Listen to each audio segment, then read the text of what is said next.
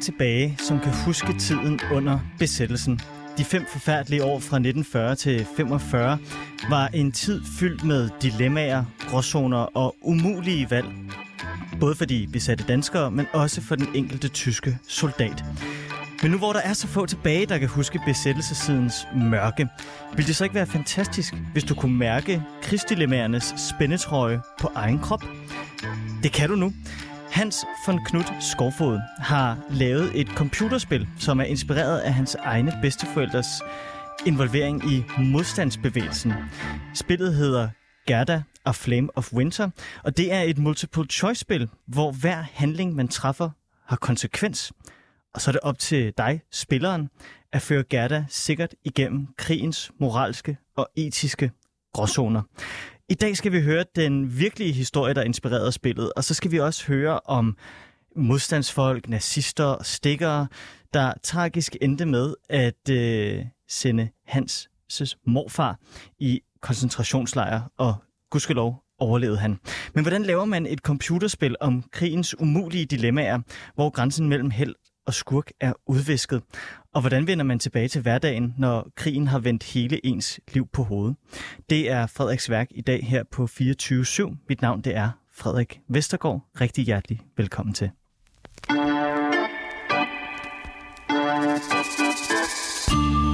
Og nu kan jeg så byde øh, velkommen til en af øh, hovednavnene bag det her spil. Det er dig, Hans von Knut Skovfod. Velkommen til. Mange tak for det.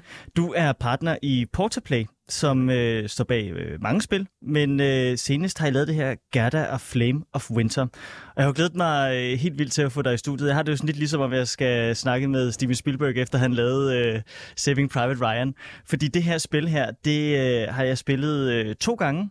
Der er mange forskellige øh, måder, man kan spille det på. Der er mange forskellige slutninger. Og, øh, og det har simpelthen optaget det meste af min vågne tid i løbet af, af den sidste måned. Så jeg er virkelig glad for, at du ville komme herind og, øh, og fortælle om spillet. Fordi jeg synes, det er et, som man sagde om øh, sabotørerne under krig, det, var et, det er et fæderlandsnyttigt job, du har, øh, du har lavet her. Jamen, mange tak for det. Det var altid en fornøjelse at få lov til at snakke om noget, man brænder meget for, så det er mig, der takker. Øh, vi skal jo høre meget om, øh, om spillet, men vi skal også tale om din egen øh, familiehistorie på en måde. Øh, fordi det er jo øh, øh, på en eller anden måde din families historie, som har inspireret spillet mm. til at, at, at blive til. Øh, og jeg tænkte, at jeg vil jo egentlig gerne høre både om spillet og om din families historie. Så jeg tænkte, vi kan tage sådan et par løb på det, hvor vi øh, får snakket om begge ting igennem spillet. Det er bare en aftale. Super. For øh, de få lyttere, der ikke har spillet spillet, øh, Hans, vil du så ikke lige øh, fortælle, hvad, øh, hvad spillet handler om? Jo. Uh, Gerda Fleming Winter er jo et spil om en helt normal kvinde, der lever i Sønderjylland under 2. verdenskrig. Hun er sygeplejerske, hun er gift med en dansk mand, men hun har en tysk far. Så helt normal er hun måske heller ikke. Og hun står et eller andet sted midt imellem de to sider i, i et land, der, der, der, der ligger og venter på, hvad der sker i 2. verdenskrig. Og så bliver vi jo invaderet af tyskerne. Og, øh, og så blev hun på en eller anden måde fanget midt i det hele. Og man kan sige, som de fleste andre danskere, så gør hun jo, hvad de gjorde dengang, og hvad man nok også vil gøre i dag, selvom vi råber nok så meget om, at det vigtige er at kæmpe mod uret og, li- og mm. lignende. Hun dukker hovedet og håber, det snart går over. Ja. Og det gør det jo desværre bare ikke. Og ikke nok med, at det ikke går over. Det tager jo mange år. Ja. Så sker der jo også det, at, at hendes mand, Anders. Han har lavet, Anders, han har lavet et eller andet, som gør, at han kommer i kontakt med Gestapo. Og så pludselig så står hun der uden en mand, øh, med en familie, der er på hver side af en konflikt, og med en krig, der alligevel ikke sluttede så hurtigt, som hun håbede. Og så står hun, hvad gør hun så nu? Kan hun redde sin mand på nogen måde? Hvad skal hun gøre? Skal hun samarbejde med tyskerne, som er den ene halvdel af hendes familie? Skal hun arbejde med danskerne, som er den anden halvdel af hendes familie? Skal hun fokusere på at, at få hendes lille by, der er delt i konflikten, for den ligger i et grænseområde, hvor der er halvt dansk og halvt tyske indbyggere? Skal hun forsøge at få byen til at forenes og stå sammen? Eller, eller skal hun male sin egen kære og være ligeglad med alle og gøre alt, hvad hun kan for at redde sin mand? Og det her dilemma med, hvordan en helt normal kvinde i en helt normal situation, så får sit liv vendt på hovedet, og, og hvad skal hun så gøre? Det, det synes vi bare var en utrolig interessant historie at, at kunne fortælle. Ja, og det er virkelig en, øh, en interessant historie at fortælle. Og det er jo et spil, som er baseret på øh, dialog. Det er ikke øh, Call of Duty 2. verdenskrig, det her. Nej, man render ikke rundt en masse og skyder med store våben. Nu er hun jo en helt normal kvinde. Hun har ikke ligefrem har våbentræning, og ikke nok med det, hun er jo også sygeplejerske. Og, Det er det. og sygeplejersker, de har godt nok en gang imellem nogle knive i hænderne, men de er der mest for at helbrede sig over, ikke for at skabe dem. Ja, og det er også et, øh, et vigtigt tema i, øh, i, i spillet, det kommer vi tilbage til. Men, men, men det er meget øh, øh, gribende, fordi det her, der er så mange dilemmaer. Og, og selvom at, øh, at spillet er dialogbaseret, så betyder det ikke, at der ikke er, øh, er, er action. Fordi men jeg synes, man bliver grebet af spillet på en helt anden måde, end man gør, hvis man for eksempel spiller sådan noget Call of Duty, hvor der flyver brændende fly ned i hovedet på dig, og, sådan, og så ryster man det af sig, og så løber man op, og så plaffer man alle. Her der kommer du virkelig ind i krigen. Altså kommer helt bogstaveligt talt ind i hovedet på ja, et helt almindeligt menneske, som bare prøver at få sin hverdag under besættelsestiden til at, øh, at hænge sammen. Ja, man kan sige, at vi forsøger meget i spillet at skildre det netop, som du siger, ud fra et hverdagsperspektiv. Mm. Man kan jo godt sige, at det, det minder lidt om, hvad Hvidstensgruppen også gjorde i en film. Fortæl om, om de heroiske øh, øh, gerninger, som almindelige mennesker gjorde, men mere fokuseret på, hvordan man kombinerede det at kæmpe mod uret med også at have en hverdag Mm. mm. i et lokalsamfund og få det til at fungere. Øhm, og, og, og derfor så handler spillet også rigtig meget om ikke, hvordan du bruger dine evner til at slå, eller sparke, eller skyde, eller køre bil, men hvordan du bruger dine mere øh, øh, realistiske evner, som jo er at tale med folk, at overbevise folk, at lyve, at snyde, jo bevares, at bestikke, at begå kriminelle ting, men, men ud fra et perspektiv, hvor, hvor man måske mere kan, kan relatere sig til det, noget som du og jeg vil kunne gøre i hverdagen. Præcis. Øhm, jeg synes jo også, det er interessant, at det foregår i Tinglev i Sønderjylland, som du siger, er øh, ved grænselandet, sådan øh, halvt tysk, halvt dansk. Øh, det var et, øh, et, et fedt dilemma at få ind oveni, fordi der er jo nok et dilemma at tage i forvejen, men så kommer der lige en ekstra dimension, som jeg også synes er uudforsket i øh, dansk historiefortælling omkring øh, besættelsestiden. Altså, øh, når man sidder i København, så hører man primært om, hvad der skete øh, her. Og øh, der er jo et, et, et helt grænseland, men med et helt andet øh, forhold til besættelsen, end man har haft i, øh, i storbyerne. Det kommer vi også tilbage til, men det synes jeg var, var virkelig fedt, at I også tog, øh, tog det med. Jeg tænker, at vi kommer til at spoile lidt. Det håber jeg er, er okay. Men så må vi opfordre alle til at spille spillet, og så ja. Høre, til det, øh, høre det her program. Øh, Ellers vi forsøger at tage Ja. lidt i paralleller, Ja, så lad, måske... lad os gøre det. Men det her med, at spillet er så øh, øh, er fokuseret på, på dilemmaer, at du hele mm. Tiden skal træffe et valg, som du er i tvivl om er det rigtige valg. Mm. Hvorfor ville I gå, gå til værks på den måde, når I skulle fortælle historien om besættelsestiden i Sønderjylland? Jo, men altså, der er jo... Øhm, det er jo svært at sige, men, men, men i, i vores spilfirma, der har vi en... Vores DNA er at lave spil om, om konfliktsituationer, typisk voldelige konflikter, men ud fra et, øh, ud fra et menneskeligt synspunkt. Så vi ser det ligesom fra det enkelte individ. Og noget af det, som, som vi i vores utallige bøger om forskellige øh, øh, voldelige konflikter har oplevet, det er, at, øh, at for det enkelte menneske i situationen er der sjældent noget sort og hvidt. Mm.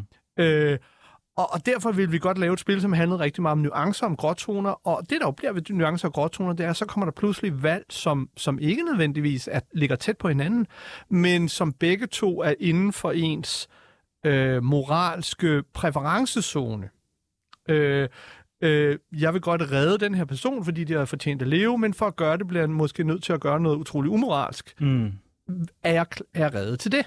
Ja. Eller for at sige på en anden måde, øh, øh, i krig er der sjældent nogen, der kommer ud helskindet på den anden side, uden at få beskidte hænder. Øh, fordi enten så har man jo kæmpet på de gode side, men blevet nødt til at gøre nogle slemme ting mod andre mennesker, ligegyldigt hvad man kalder dem. Eller også har man kæmpet på de onde side, som nogen nogle gange får stemplet af historiens øh, øh, lys. Eller også så har man dukket hovedet og ikke gjort noget, som jo også kan siges at, at nogle gange være lidt moralsk anløbent. Øh, så, så vi vil godt ligesom fortælle den her historie om, at, at når vi i dag kigger tilbage i tiden og siger, dengang var der dem her, der var det gode, og dem her, der var de onde, og dem, der ikke gjorde det her, de, de, var, de var dårlige mennesker. Og det er der jo specielt mange politikere, som, som er rigtig hurtigt ude med, med skiltet om, puha, og hvorfor gjorde de det, og ej, hvor var det også for meget. Øh, men når man så begynder at dykke ned i historien og læser, hvorfor folk gjorde, som de gjorde, hvad for nogle valg de stod overfor, så lige pludselig tænker man, ja okay, det kan jeg faktisk godt se, det er faktisk svært, hvordan man ja. gjorde det på den perfekte, moralsk rigtige måde.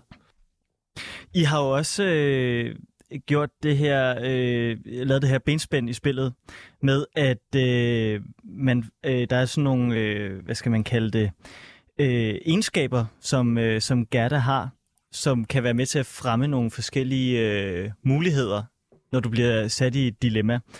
Øh, og det er øh, evner som indsigt, barmhjertighed og klogskab, hmm. øh, som man får optjent point af ved at øh, gennemføre hendes øh, dagbog, altså færdiggøre hendes, øh, hendes udsagn i hendes øh, dagbog. Hvad giver det spilleren at, at komme ind i, i hjernen på, øh, på Gerda på den her måde, ved ligesom at skulle, hvad skal man sige, ind i, i hendes måde at, at, at, at tænke på?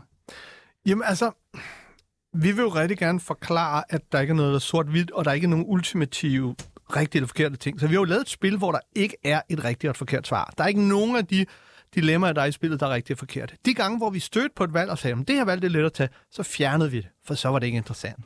Og det betyder jo også, at, at de historier, vi fortæller i spillet, øhm, dem vil vi godt lade spilleren være i tvivl om, de har gjort det rigtige. Og når man så... Det er også lykkedes, vil jeg sige. Ah, perfekt, tak for det. jeg sad bare hele tiden og tænkte, fuck, hvad vælger jeg, hvad vælger jeg, hvad vælger jeg? Og så da jeg så træffede valget, så tænkte jeg sådan, satans. der er jo for eksempel sådan en situation, hvor man står og skal skaffe noget for at gøre en person glad. Ja. Øh, og øh, og man, man kunne godt tænke sig at lave en kage. Man er jo i Sønderjylland og, og søndagskaffebordet. Selvfølgelig skal vi bage en kage til en, vi godt kan lide. Men for at lave en kage skal man have æg og fløde og smør. Mm. Og der var jo knaphed og, og, og rationer. Øh, så, så derfor, så for at få fat i det, jamen, så kan det være, at man bliver nødt til at handle med en sortbørshandler. Ja. Og hvis man handler med en sortbørshandler for at gøre en glad, så støtter man jo samtidig nogen, der profiterer på andres nød. Ja. Og, og tjener penge på, på, på, på at, at, at gøre endnu mere knaphed. Så man kan sige, ups, øh, øh, jeg prøver at gøre nogen glade, men så gør jeg faktisk situationen værre. Og det vi så gør, når man så har spillet nogle af de her scener, så konfronterer vi en med de valg, man har taget øh, i løbet af scenen, og så siger vi, men når du kigger tilbage på det, hvad synes du så om det valg, du tager? Ja.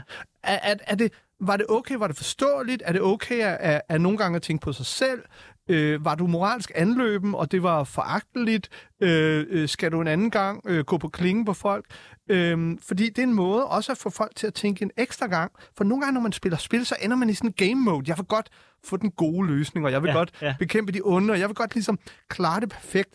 Og når man så bagefter kigger tilbage og ser det lidt ud fra et moralsk synspunkt, så kan man godt se, at i min iver for at gøre det godt, så kom jeg måske til at gøre noget, jeg som privatperson måske ikke ville have gjort, eller ikke ville synes var den rigtige ting at gøre. Og vi kan godt lide, og ikke fordi vi forsøger at tvære det i folks næser, fordi tit kan man også forsvare de handlinger, man har gjort, og sige, ja, det var det rigtige, jeg gjorde. Det var okay, jeg sagde fuck dig til ham der, på trods af det skadede min sag senere hen, for det var noget, jeg godt ville ofre.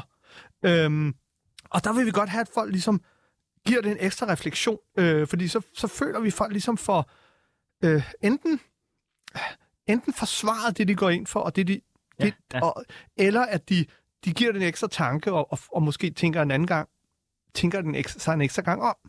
Ja, fordi jeg havde den følelse af, at jeg, når jeg stod over for de der konklusioner i dagbogen, hvor jeg skulle reflektere over de valg, jeg havde truffet i scenen, så prøvede jeg altid, så kom jeg ubevidst til at vælge de svar, som på en eller anden måde retfærdiggjorde mm. de, de valg, jeg havde truffet, fordi jeg på en eller anden måde havde det dårligt over de valg, jeg havde truffet. Men det er jo meget sjovt, du siger det, fordi der er jo forskellige strategier, man kan lægge for dagen. Man kan netop undskylde det, man gjorde, og, og ligesom hele tiden, ha, hele tiden have anger. Ja. Hvilket jo også er lidt problematisk, fordi ikke nok, man så, så tager nogle beslutninger og ikke lærer af det, man står så heller ikke ved dem. Man kan også stå ved dem, fordi man faktisk tror på dem og synes, man gjorde det rigtigt, og forsvare dem. Og, og så kan man også igen stå ved dem, fordi man har dårlig samvittighed. Og der er jo forskellige strategier, men, men, øh, men det, som vi jo også gerne vil sige, det er, at, øh, at at du kan jo spille spillet, som du har lyst til. Mm. Og der er ikke nogen rigtig og forkert. Og hvad du end kommer ud med i den anden ende i slutningen af spillet, der er ikke, du, der er ikke en ultimativt ond eller dårlig eller god slutning. Det er, det er altid nuancer af gode og dårlige ting.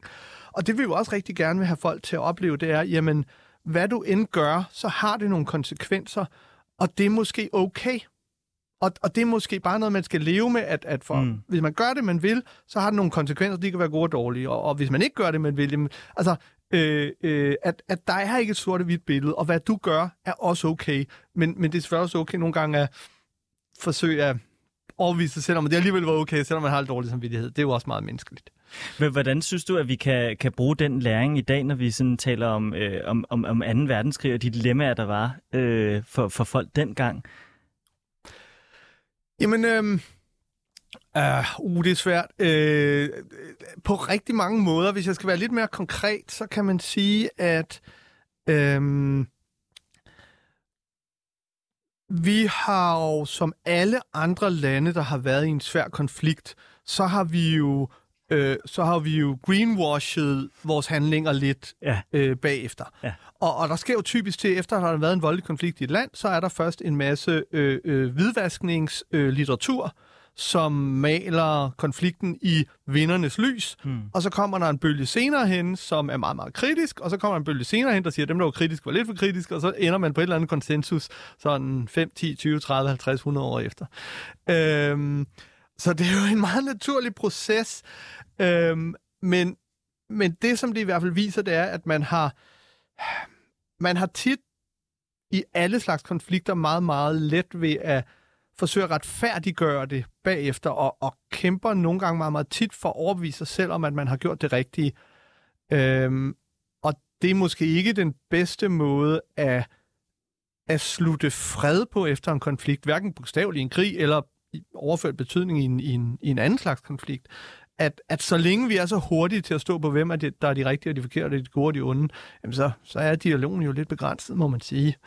Jeg læste som, at I øh, også ligesom prøvede at, at nuancere øh, besættelsestiden og krigen fra alle parters side, netop for at, at en gang for alle at gøre op med det her med øh, det der historiesyn, øh, som vi nogle gange godt kan have i besættelse, omkring besættelsestiden, selvom der er blevet gjort et opgør med det, så er der sådan stadigvæk meget den der sådan, Danmark sad helt fredeligt, så kom tyskerne, så var øh, de meget onde, og vi var meget gode. Mm. Og så da krigen var, øh, var slut, så stod vi tilbage som, øh, som sejrherre. Ja. Det er sådan lidt den fortælling, jeg følte, at I gerne ville gøre op med. Helt sikkert. Altså, der, der er jo der er jo de myter, eller ikke de myter, der er de rigtige historier, der er blevet fortalt igen og igen, og det er, at regeringen forsøgte at samarbejde med, med besættelsesmagten så meget som muligt for at spare befolkningen, og da det ikke gik mere, så stoppede ligesom samarbejdet, og så gik man over og begyndte at støtte modstandsbevægelsen i skjul, og til sidst befriede man Danmark, på vejen redde man lige jøderne, og, og på den måde blev man allieret. Ja. Æ, vi kan godt lige slå fast for en god ordens skyld, øh, den sabotage, der foregik i Danmark, havde ingen nævneværdig påvirkning på krigens udkomme eller på det strategiske udkomme af krigen i det hele taget. Øh, den danske sabotage var primært en moralsk ting. Og den gjorde jo, at vi kom på de allierede side, fordi vi i det mindste havde gjort lidt modstand. Ja. Vi skal også lige huske at sige, at de første to år, de eneste, der gjorde modstand, det var kommunisterne. Mm og så nogle studerende. Ja. Som måske også var lidt kommunistiske, jeg ved det ikke. Og de blev set på som ballademager. Og vi skal også lige huske på, at da, da tyskerne så bad øh, danskerne øh, om at udlevere jøderne, så redde vi stort set alle jøderne, og lavede en fantastisk god gerning der. Da de øh, halvandet to år tidligere blev, øh, bad om at udlevere 132, eller var det omkring 100 kommunister, så udleverede Danmark tre gange så mange kommunister til tyskerne. Velvilligt. Så det her med ofre sig at gå sammen for at redde nogen, som tyskerne godt vil fange og sende i lejre. Det har ikke været en konsekvent strategi krigen igennem. Det har lidt handlet om, hvem det var, som ja. tyskerne bad om at få udleveret. Øhm, så, så ja, der er rigtig mange myter. Nej, der er rigtig mange rigtige historier i krigen, men der er også rigtig mange historier, der ikke er fortalt. Ja. Og vi skal jo også lige huske at sige, at der, der var flere danskere, der kæmpede for tyskerne på Østfronten, mm. end der var danskere, der var modstandskæmper lige ind til de sidste to uger af krigen, hvor stort set alle den modstandskæmper tilfældigvis. Ja, det var lige sjovt. Det... Ja, det var sjovt. Der lige, pludselig så var der mange, der fik armbind på der til sidst. Ikke? Ja. Øhm, specielt også folk, der tidligere havde tjent penge ved at arbejde for tyskerne. Anyway, så, så ja, der er rigtig mange historier, som, som er rigtige, men der er også mange historier, som er rigtige, som ikke får så meget plads. Og, og vi vil da godt ja, fortælle nuancen om, om 2. verdenskrig. Gerda, som er spillets hovedperson, er hun inspireret af din mormor Henry Kylle Skovfod? Ja, ja. Øh, det må man sige. Øh, man kan sige, øh, min mormor var jo øh, en, som ville det bedste for alle folk. Og hun var et meget blivet væsen, og havde det meget svært i virkeligheden ved at genere andre mennesker. Nej, hvis de var irriterende, så skældte hun dem ud og så videre. Og specielt hvis, hvis det var nogen, der trådte på dem, der var svage, så forsvarede hun de svage. Men, men hun var ikke en, der troede på Gud, og hun var ikke en, der troede på hævn. Øhm, og, og man kan sige, da, Og hun var jo en del af modstandskampen sammen med mit bedstefar, og, men hun var ikke en, der gik ind for at slå ihjel. Ikke fordi hun havde noget mod folk døde, fordi hun, hun vidste, at det skete i en krig, sådan var det. Men fordi hun ikke selv synes, at det var det, hun ville bidrage med, og fordi hun ikke nødvendigvis synes, at en masse døde mennesker var det, der ville befri Danmark. Mm. Og fordi hun jo også levede i et område, hvor der boede mange tyskere, så, så deres naboer var jo nogle gange tyskere. Var hun øh, sønderjyde? Øh, ja, de boede i Sønderjylland. Ja. De boede øh, mellem Tinglev og Esbjerg, en 20-30 km fra, fra der, hvor spillet foregår. Øhm, og, og, hun, øh, og, og nogle af hendes øh, kongstræk, det var jo at, at smule ting. Så hun ja. var den store smugleren, fordi hun havde en barnevogn. Hun havde ikke fået noget barn endnu. Og i barnevognen, der proppede hun så, hvad der en skulle smule. Det kunne være flyverblade, det kunne være mad til, til modstandskæmper, de skjulte, det kunne være sprængstof eller våben. Og så puttede hun en dukke ovenpå, og en dyne oven på dukken, og så gik hun med den. Og hvis der var nogle tyske soldater i nærheden, så begyndte hun at gynge barnevognen og tysk på barnet og synge en sang. Som om barnet ved at vågne. Og så kiggede tyskerne selvfølgelig ikke i barnevognen, for de tyske soldater i Sønderjylland og i Danmark var jo ofte familiefædre, som var blevet sendt op til Danmark for at have vagttjeneste, som ikke var meget værd i kamp, Op til flødeskumsfronten. op til flødeskomsfronten, hvor de virkelig havde meget godt, og hvor de der aldrig kunne drømme om at vække et sovende barn i en barnevogn. Og, og det her billede af, at man kan sige, at hun var så smart, men samtidig at hun udnyttede, at de var menneskelige, Ja. igen kaster jo også besættelsen i et lidt andet lys. Men da, da hun så ligesom øh, øh, oplevede, at hendes mand blev, blev stukket af en dansker, som gjorde det for penge, en stikker, øh, og han blev sendt i lejr, øh, Ja, og, Knud. øh, Knud Erik Ja. Skovfod, øh, min bedstefar.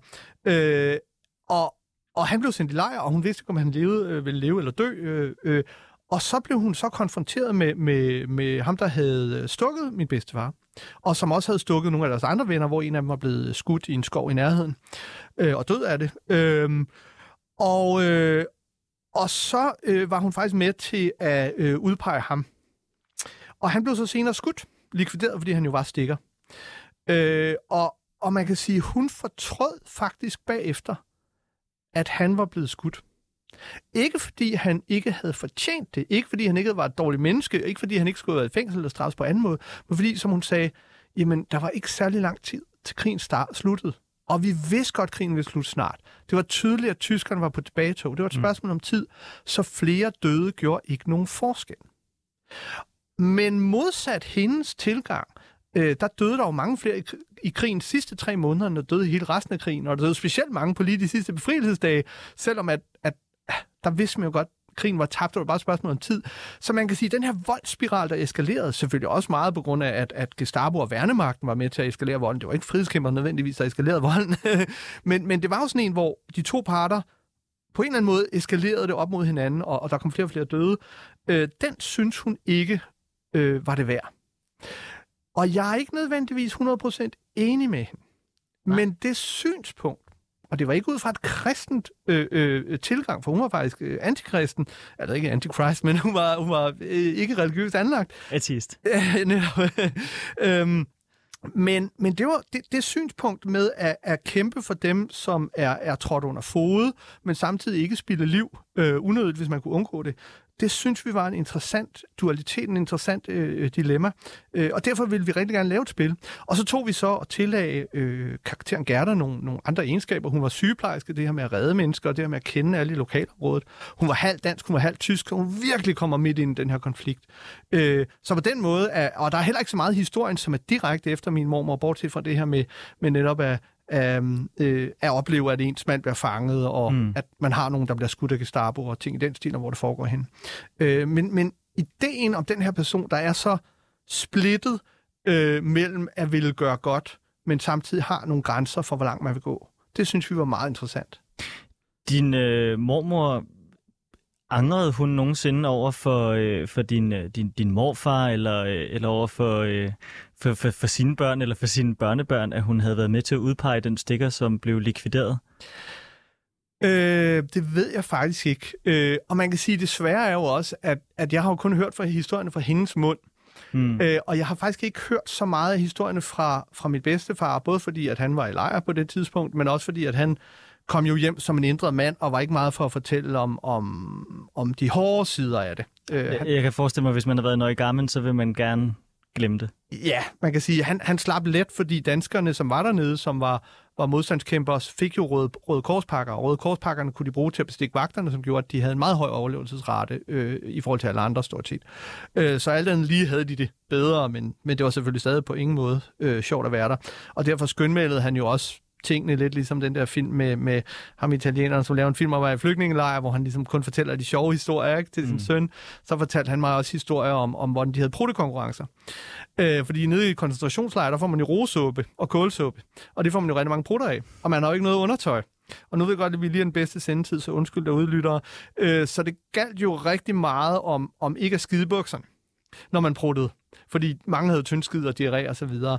Øh, men samtidig skulle man prutte rigtig meget, så det vil sige, det de øvede sig rigtig meget i, det var at slukke små kontrollerede prutter en masse små kontrollerede prutter efter hinanden, og så begyndte der at være konkurrence i at lidt at gøre min gode rytme, sådan prut, pause, prut, pause, prut, pause. øh, og, og når man så havde gjort det, så talte man jo selvfølgelig, og, og så kom han op på 32, tror jeg det var, øhm, og han var faktisk barakmester i det. Øh, og da han så kom hjem, fik han senere øh, et brev fra en af hans venner, øh, som havde været lige efter ham i 29, som så sagde, ja, siden jeg er kommet hjem, øh, der har jeg prøvet at slå din, din rekord, for jeg konkurrencemenneske. Men jeg må indrømme, øh, kosten herhjemme lader lidt tilbage at ønske i forhold til det, så jeg har svært ved at komme op på samme niveau. Øh, og den historie fortalte han jo til mig og ofte til festlige lejligheder, men det viser jo også lidt om, om hvordan han forsøgte at fortrænge det. Ja. Og undskyld, der derailede jeg lidt. Nej, nej, nej. nej. men, øh, men, men det, der jo er, er pointen her, det er, at, at min mormor fortalte mig jo måske også den her historie, fordi at jeg var en 12-13 år på det tidspunkt, og begyndte at interessere mig for det, men samtidig var jeg også var jeg jo ikke så gammel, så hun fortalte mig måske heller ikke om så mange detaljer, men, men det, som hun ville i hvert fald godt ville fortælle mig, det var det her med, at, at, at ligegyldigt om man troede på Gud eller ej, øh, eller troede på noget helt andet, så var menneskeliv noget, hun synes, man skulle værdisætte højt. Mm. Øh, og hvorvidt hun virkelig fortrød det eller ej, eller bare fortalte mig det, eller hvorvidt hun fortrød det, men, og havde fortalt min bedstefar, ved jeg faktisk ikke. Men, men, øh, og det er også det, der er min pointe, at, at præcis hvad virkeligheden er i virkeligheden ikke så vigtigt, men hvordan hun så virkeligheden, det synes jeg var interessant, og, og det gav mig noget, fordi jeg måske ser virkeligheden på en anden måde, øh, men, men, men, men det er interessant at prøve at tage de briller på. Ja. Øhm, det er sjovt, fordi når du sådan fortæller om det på den måde der, og når jeg sådan har, øh, har spillet øh, friske hukommelse, så er der mange af de karaktertræk, som jeg kan se i, øh, i, i Gerda. Så det virker som om, at du, det, det er Gerdas måde at bevæge sig igennem krigen på, er sådan lidt en, en, en, en hyldest til din, til, til din mormors menneskesyn i, i de år, hun levede under besættelsen. Altså, der er helt sikkert øh, en masse af min, min mormor og morfar, men også generelt, kan man sige, er en jysk mentalitet. Ja. Altså, selvom om, om de ikke snakker med jysk dialekt i spillet af alle mulige praktiske årsager. Ja. Gerda taler sådan her. Ja. øhm, øh, der var nogle forskellige årsager til det, men, øh, men, men så har vi jo prøvet netop den her, den her st- ikke stolte, men den her seje, stedige jyde, som selv når det er hårdt, måske dukker hovedet og ikke råber op, og ikke gøre åbent oprør, men samtidig skjulte sådan tør at tale imod øh, besættelsen, og tør at tale imod tyskerne, og genere dem sådan på det, på det lille plan, og samtidig er meget pragmatisk i forhold til, at det fungerer. Måske laver også sortbørshandel med den lokale øh, øh, øh Gestapo øh, øh, øh, menige, fordi han kan skaffe nogle ting, og så handler de med hinanden, og, og begge to er de virkelig måske bare mennesker, som vil, vil klare sig godt, øh, øh, men, men så også få det til at fungere. Og der er meget den her jyske mentalitet med, med ikke, at, ikke at tage næsen så højt i, i skyerne, og ikke at, ja. at tro på, at man har det rette moralske valg, som, som vi godt vil også ligesom få med i spillet. Jeg ved ikke, om det er en jysk ting, eller om det er en, øh, en sikkerhedsforanstaltning. Men i, øh, i, i, i spillet så øh, har øh, Gerdas mand Anders en masse hemmeligheder for, øh, for Gerda, som hun så øh, trævler op, som spillet øh, skrider frem. Mm. Og øh, han undskylder det med, at det var for at beskytte hende, mm. så hun ikke kunne blive straffet, hvis nu der skulle ske ham noget. Mm. Øh, og de var tvunget til at, og han var tvunget til at udlevere øh, folk, så kunne han ikke udlevere hende, fordi hun vidste ikke noget. Lyder det jo som om, at din mormor var meget øh, øh, med i forhold til, hvad modstandsbevægelsen gik og lavede i Sønderjylland, mm. øh, med at hun smuglede ting i barnevognen. Men, men havde din, din morfar også nogle, nogle, nogle hemmeligheder over for hende, tror du? Det ved jeg faktisk ikke. Altså, man kan sige, de boede jo sammen i et hus, og de, de skjulte modstandskæmper i kælderen, og min bedstefar, han spionerede på, på Vestvolden, altså på Vestkysten, hvor han tog billeder af, af, af forsvarsværkerne og sendte til amerikanerne og så videre, mikrofilm og meget hemmeligt og så videre. Ja. Øh, og blev senere også efterretningsofficer øh, øh, for i og så videre. Der, øh, men, men, øh, men jeg tror faktisk, de var meget sammen om det, og jeg tror, det ligesom var noget, de havde besluttet at gøre sammen. Ja. Og de var jo begge to, øh, de var jo begge to, øh, de var på ingen måde kommunister, men de var jo venstreorienterede, de var jo socialdemokrater, som på den gang vel var lidt mere til venstre, end det er i dag. Ja, lidt. Øh, og, øh, øh, og, og de var imod kommunisterne, men samtidig var de nogle af dem, der tidligt så, at, at de syntes, det var det rette at gøre oprør. Mm. Øhm, og, øh, og jeg tror egentlig ikke, de havde så mange hemmeligheder for hinanden. Øh, men, men jeg er faktisk ikke klar over det. Men nu foregår spillet jo i, øh, i Tinglev. Mm. Og øh, så vi har været inde på, så er byen øh, halv dansk, halv tysk. Mm. Øh, det har ligget der i grænselandet og blevet skubbet frem og tilbage ved, øh, ved, ved krigene. Og øh, der er også nogen i byen, som øh, har været med i, øh, i Første Verdenskrig mm. og, øh, og har tjent for, for tyskerne der mere eller mindre øh, modvilligt eller velvilligt. Øh, dine bedsteforældre, og, og det dilemma, det, er jo, det, det gennemsyrer jo øh, hele spillet. Fordi det der med venner, naboer, som før godt kunne med hinanden, er lige pludselig vendt imod hinanden. Mm. Der er ligesom kommet sådan et apartheid i byen, mm. hvis man, man kan sige det sådan. Havde din mormor også stadigvæk det her sådan meget menneskelige syn på, på tyskerne? Altså kunne hun godt adskille nazister og tyskere? Øh, ligesom, ligesom Gerda kan? Jamen altså, det er jo i hvert fald det, som hun har fortalt mig. Ja. Øh, det var, jeg tror, efter opgøret var det et svært område at være i. Det tror jeg. Øh, det er min opfattelse, at, at at hun og generelt mange sønderjyder et stykke tid efter krigen ikke havde så stort problem med tyskerne, fordi de netop havde vant til at leve med dem før. Øh, og også tit snakkede tysk, og, og der var også en stor kulturel indflydelse fra Tyskland. Øh, øh, jeg ved, at de boede i området i en del år efter krigen, øh, indtil hun så til sidst 10-15 år efter flyttede til, til øh, Sjælland.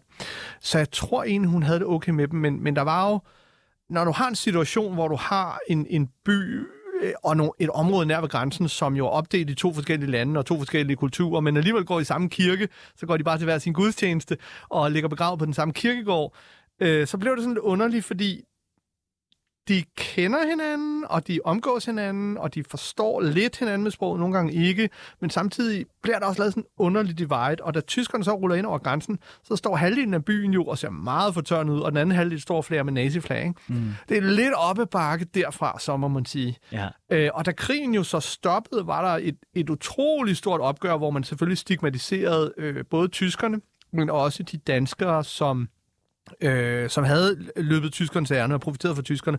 Og der var også mange tyskere i området, som blev fængslet for at mere eller mindre have kollaboreret eller have job på tyskernes side og, og i fængsel og var, i, og var i lejre et par år efter.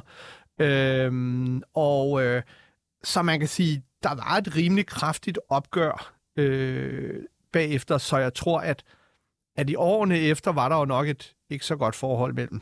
Og det har I jo også taget med i, øh, i spillet, mm. i og mm. med at Gerda er halv halv. Gerdas mor er flyttet til København for at bo hos sin søster, mm. og øh, Gerdas øh, far er øh, tysker og arbejder på øh, den øh, lokale togstation, ja.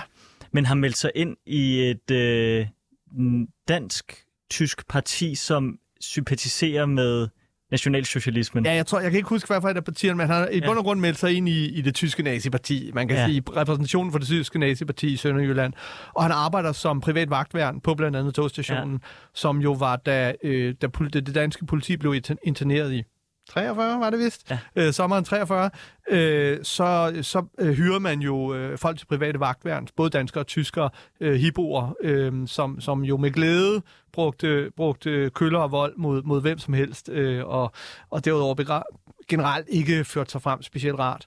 Øhm, og, øh, og han, er jo, han er jo den gamle gar. Han har jo tabt. Han har jo levet dengang, hvor, hvor området var tysk, og han har, Ja, præcis. han er jo blevet invaderet af danskerne. Ja. Altså, i, i, efter Første Verdenskrig, der, der blev jo området jo, jo snuppet af Danmark. Øh, okay, så før 1864, så var det godt nok dansk område, men det kan han jo ikke huske. Øh, så, så han er jo blevet invaderet, og nu er han blevet befriet. Ja. Så man kan sige, man forstår ham jo godt, hvis man var ham, og altså, på en eller anden måde. Præcis, fordi han siger jo også, at i, øh, det, det er ikke en spoiler, fordi det er helt i starten af spillet, hvor du bliver præsenteret for det første dilemma. Hvem skal tage Gerdas kuffert? Mm. Anders eller Gerdas far? Ja. Øhm, ja, der fortæller han så, at han er, han er blevet medlem af, det her parti, så siger Anders, hvordan i alverden kan du gøre det? Mm. Og så siger han, det er ikke fordi, jeg sympatiserer med dem, men så kan vi tyskere måske få mere indflydelse Mm. i vores, i gåseøjne, land, ikke? Ja, ja. Så der er også den her... Øh, åh, den der dualitet, som bare gennemsyrer øh, hele spillet, fordi der er meget få karakterer i spillet, som du sådan decideret hader. Mm. Er måske kun... Ja, nu vil jeg ikke spoile. Ej, nej, der er en, man, der er en, der Øh, generelt ikke er rar. Ja. Ja. Øhm, men, men, men jeg synes, det der især var interessant, det var den måde, at I ville prøve at menneskeliggøre tyskerne på. Mm. Fordi man kan sige, siden 90'erne har der jo været sådan en øh, øh, akademisk historietradition, eller ikke tradition, men undskyld, et, et akademisk historiemæssigt behov for at gøre op med ideen om den fuldstændig fejlbarlige modstandskæmper. Mm. Øh, det er ligesom blevet mere og mere nuanceret, som, som tiden skrider frem, og det har I også med i, øh, i spillet. Altså, modstandsbevægelsen er ikke ubetinget sympatiske øh, mennesker, men øh, Der må bringes nogle... Altså, de, har, de, de synes jo, man må bringe nogle offer nogle gange for at Ja. kæmpe for en god sag. de virker meget idealistiske, nogle af dem. Ja. Især Liva, hun ja. Er meget idealistisk. Ja. Men, øh, men, jeg synes, det var virkelig interessant, at I gik øh, med tyskerne øh, og, og, fik deres nuancering med også, fordi den har, den har vi ikke haft så meget af i Danmark. Mm. Den synes jeg var, øh, var, var virkelig spændende. Hvorfor ville I, I gerne have det med også? Jamen, man kan sige... Den her pointe med, at der bag et hvert uniform gemmer sig et menneske. Ja. Øh, jeg, jeg så en, en øh, finsk dokumentar netop om, om Finlandskrigen, hvor at, at der var den her øh, øh, soldat, der sagde, jamen, jeg var familiefar, og så kom jeg i militæret, og så angreb tyskerne også, og, og så skød jeg mod uniformen, men da jeg bagefter gik hen for at se, om jeg havde ramt, så lå der et menneske. Hmm. Øh, og, og det synes jeg var, var et meget smukt citat. Øh, og, og den pointe vil vi rigtig godt have med, fordi der var rigtig mange, specielt i, i SS-stormtropperne og i Gestapo, der var meget, altså af tyskere, der var meget idealistiske nazister, og som må Gud være mit vidne her, selvom jeg ikke tror på Gud, øh, sikkert virkelig ikke var særlig gode mennesker. Ja, dem, dem er der. Dem er der Ja. rigtig, rigtig mange af. Og der var også mange danskere, der gik i mm. tyskernes tjeneste, som virkelig heller ikke var særlig gode mennesker. Ja. Regiment Nordland er ikke det fineste Nej, netop. plet i Øhm, Danmarks historie. og, øh, men, men der var rigt, selvfølgelig rigtig, rigtig mange, som enten bukkede hovedet, og så gik med strømmen, eller bukkede hovedet, og var imod det, men ikke turde sige noget. Og, og de, mange af de soldater, tyske soldater, der var i Danmark, det var jo fordi, de enten var såret fra Østfronten, eller fordi de var for gamle til at kæmpe. Eller, så, så man kan sige, det var jo ikke, det var jo et blandet slæng, der var i Danmark. Ja. Øh, og de opførte sig blandet. Der var flinke af dem, og der var ikke så flinke af dem. Og, øhm, og, og det vil vi bare godt have med. Og, og der er jo også film, der er begyndt at fortælle den historie. Der var også en meget fin øh, Under Sandet, som handler om, om Mm. tyske drengsoldater, øh, øh, som er øh, øh, 12, 13, 14, 15, 16 år og kommet i trøjen, ikke? og blevet sat til at kæmpe, og så bliver de fanget, og så skal de rydde miner, og så dør de til højre og venstre. Ikke? Hvor man også lidt tænker, jo, de blev forblændet af en ideologi. Når man er 15-16 år, så begynder man selv at have ansvar for sådan noget, men, men det er jo stadig nok en svær situation ikke at være medløber. Ja. For eksempel så er der også en, øh, en anden karakter, som jeg synes er, er virkelig interessant. Og øh, nu har jeg simpelthen lige... Er Vibeke? Er det, nej, øh, veninden, Gerdas gode veninde, øh, der, øh, der bor hos herr Vestergaard. øh, Margit, Margit, ja. ja. Øh, Margit er jo kæreste med en tysker. hun er kæreste med en tysker. Og Og ikke bare er hun kæreste med en tysker. Nej. Hendes far er jo den lokale øh, øh, rigmand, som er blevet rig på at profitere på tyskerne ved ja. samarbejde med dem. og har købt danske marker, som tyskerne har beslaglagt. Yep. Han er simpelthen han er øh, det, man ville kalde for en værnemager. Han er en rigtig værnemager. Ja. Han er en profiteer, han, han malker kassen, gør han. Ja. Men han Og hjælper... prøver at vaske sit eget øh, tøj øh, samtidig over for, for danskerne, ikke? Og så hjælper han selvfølgelig også modstandsfolkene. Ja. Da han kan se, at krigen begynder at vende, så hjælper han selvfølgelig også dem, fordi hey, Men jeg synes, markedet var, var, var, var også virkelig interessant, fordi vi også, det er også noget, som først er begyndt at komme nu, øh, er, at øh, de øh, mennesker, som i mange år blev stemplet for at være tyskertøser, mm, de, øh, deres historie er ligesom blevet forkastet, fordi de gjorde det utilgivelige, nemlig at, øh, at gå i seng med besættelsesmagten. Mm. Men der har I også prøvet at fortælle en anden historie om, om øh, hvad begrundelsen kunne være for, at man ville være kærester med en, en tysker. Ja, man kan sige, lige det med, med, med kærligheden, der er jo ikke nogen regler for, hvem man bliver forelsket og ikke bliver forelsket i, hvilket i sig selv jo også er en morale. Øh, men selvfølgelig, man kan måske, man kunne godt lade være med at følge sine øh, romantiske indskydelser, hvis personer var virkelig øh, øh, slette.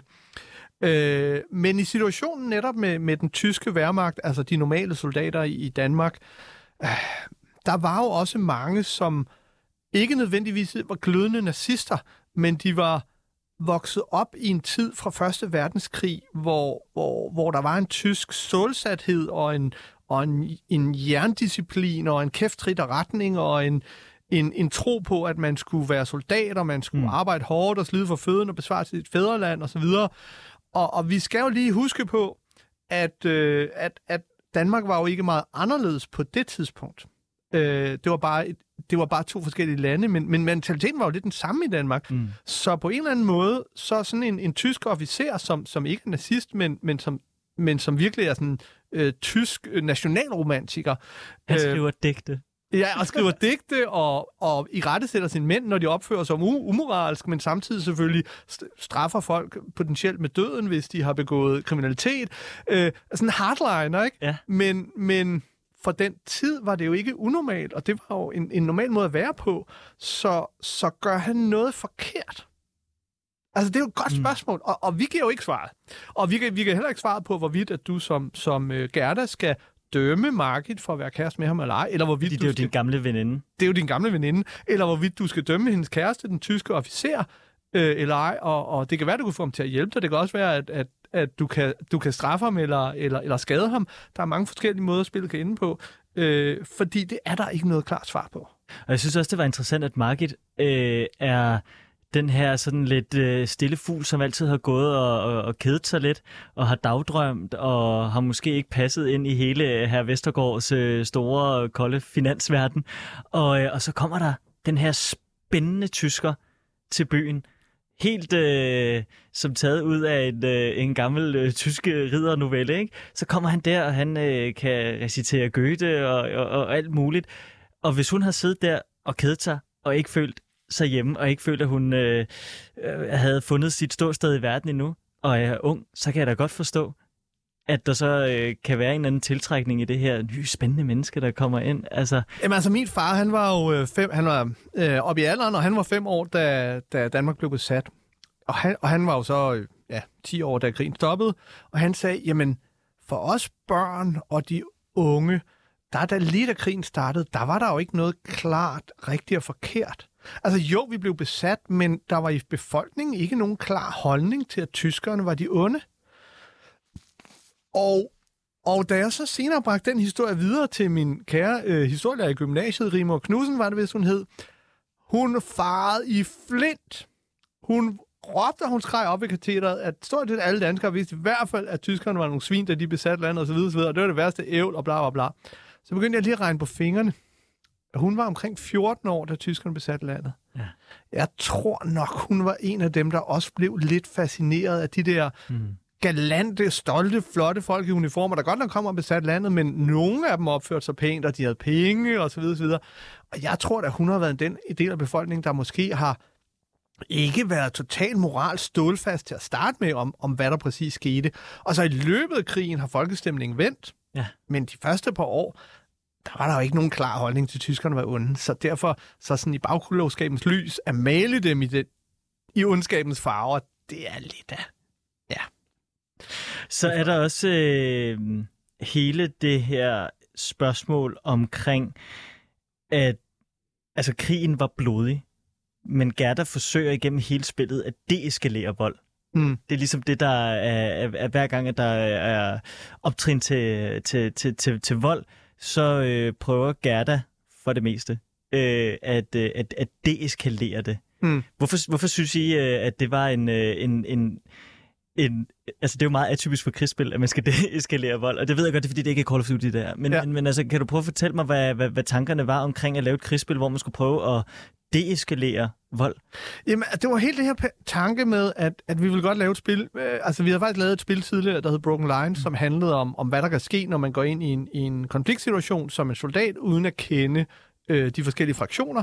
Og så tror man, at man kæmper øh, på den rette sags tjeneste, men i virkeligheden ender man måske med at gøre mere skade end gang som jo er noget, vi ser igen og igen i forskellige lande, når, når nogle af de vestlige lande kommer ind med imperialistiske briller og siger, nu skal vi løse problemet en gang og indføre demokrati med, med våben i hånden. Øhm, og, øh, og så tænkte vi, kan vi, kan vi flippe den? Kan vi nu lave et spil? Fordi nu er vi fandme med det her, det var skide sjovt og, og spændende og så videre. Kan vi nu lave et, hvor man gør det modsatte, hvor man, hvor man allerede fra starten godt ved, at vold ikke er løsningen, og så forsøger at stoppe den. Øh, og, og det vi jo så har gjort i spillet, det er, at vi laver et spil, hvor man netop er sygeplejerske og forsøger at hjælpe folk. Det gør ikke, at man ikke kan gøre både gode og dårlige ting, mm. eller voldsomme ting, men og jeg vil heller ikke afsløre sådan, sådan nogle af de dybere moraler i spillet, fordi Nej. der er ikke nogen ensidige moraler, men, men vi synes i hvert fald, det var interessant at sige, øhm, at, at, at deskalere øh, konflikten i situationen er også en mulighed, og det har bringer nogle fordele øh, nogle gange med sig. Øh, og Ja, det, det vil jeg bare lige sige nu hvor jeg har derinde, ja. det er fandme irriterende, at jeg har lavet den mulighed. Ja. Fordi så begynder man at sidde og tænke, det kan godt være, at jeg kan få noget ud af det her senere, ja. men jeg har ikke lyst til at gøre det nu. Nej, nej det, det er det. fandme irriterende. Og nogle gange, og, og hvad nu hvis det at deskalere betyder, at, at, man må, at man må sluge nogle kameler? Hvad nu hvis, at der står en eller anden øh, tysk officer og beder en om at, at, at, at knæle og kysse jernkorset? Ikke? Ja. Altså, at, hvor, skal man så gøre det? Ja. Eller er det, er det, skal, vi, skal vi ofre nogle liv for at vise, at vi har nogle moralske standarder, nogle grænser for, hvor vi går til, for at vise, at, at vi ikke finder os i det? Måske ja. ja. Men omvendt, skal vi altid forsøge at ofre liv, eller øh, at, at forsvare liv? Måske ja, men igen, det er svært, og jeg har ikke svaret. Der er jo også et meget historiemæssigt øh, perspektiv på det her øh, spil, sådan, altså historielæringsmæssigt perspektiv på det her spil. Der kommer sådan nogle faktabokse op en gang imellem, hvor du så kan læse om, om øh, tiden øh, under besættelsen, om alt fra rationeringsmærker til øh, lovgivning for, hvor meget øh, rigtig lever der skulle være i en lever på steg. Uh, ja, meget vigtigt. Øh, meget vigtigt, ja. ja. Øh, til øh, jernbanesabotage og, og, og så videre, så videre. Øh, nu har, fortalt du mig så også, at I er ved at lave det her øh, spil øh, lidt om, så det også kan indgå i noget gymnasieundervisning. Mm. Altså, er du nervøs for, at, øh, at ungdommen derude, som tiden går, og der bliver færre og færre af dem, der kan huske besættelsen, og som har været øh, en aktiv del af den, ligesom dine bedsteforældre, at ungdommen mister grebet om, hvad det var, den generation stod overfor? Øh, altså, man kan sige, som grund til, at 2. verdenskrig fylder så meget i vores i, i, i, i de ældre generationer, af vores generationer, er fordi det var en af de eneste nylige voldelige øh, øh konflikter, som, som så også er rigtig dækket osv. Har den fortjent at fylde så meget? Er den så vigtig? Det kan man, det kan man diskutere sikkert meget om. Øh, og, og jeg vil heller ikke gå ind og sige, at 2. verdenskrig er, er super vigtig for alle, og, og det er noget, alle skal lære osv. Men jeg vil sige, at 2. verdenskrig var nok den konflikt, som, hvor vi oplevede på tættest hånd, øh, øh, dilemmaerne omkring at være et besat land, og dilemmaerne omkring mindretal, mm. der er et land, dilemmaerne omkring at, at øh, hvornår man skal indrette sig på koder, hvornår man skal kæmpe for uretten. Øh, og vi har generelt ikke oplevet så mange konflikter, så vi er meget hurtige til at se andre konflikter rundt omkring i verden meget sort og hvidt. Øh, og vi er meget hurtige til at sige, hvorfor gør de ikke bare det der, der er det moralsk rigtige?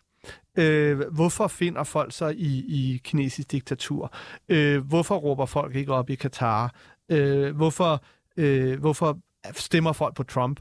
Øh, altså, der er jo rigtig mange steder, hvor vi bare siger, jamen, det er jo åbenlyst, at folk gør noget, der er moralsk forkert. Hvorfor kan de ikke se det? Og der synes jeg bare, at, at ideen om at sætte sig ind i konteksten for, for historien, jamen, det var ikke bare beslut A eller B. Der var en masse, en masse rundt om, som gjorde, at situationen var svær. Øh, at det er jo en generel lærdom, som vi tror er rigtig, rigtig vigtig. Ja. Øh, og, og det handler jo også om det nære, jamen folk, der er fattige, eller folk, der er narkomaner, eller, eller folk, der begår kriminalitet, eller, eller flygtninge, der bor i, i, i indrejsecentre og så videre. Der er rigtig mange gange, hvor vi er meget hurtige til at sige, hvorfor gør de ikke bare sådan? Øh, og, og der vil vi godt slå et slag for, at, at man forstår først nuancerne, hvis man sætter sig ind i, i, øh, i, i, den, i den kontekst, det er oplevet i. Jeg kunne forestille mig, at det har taget sindssygt lang tid at lave alle de her dilemmaer og, og, og udfald og så videre, fordi der er så mange af dem.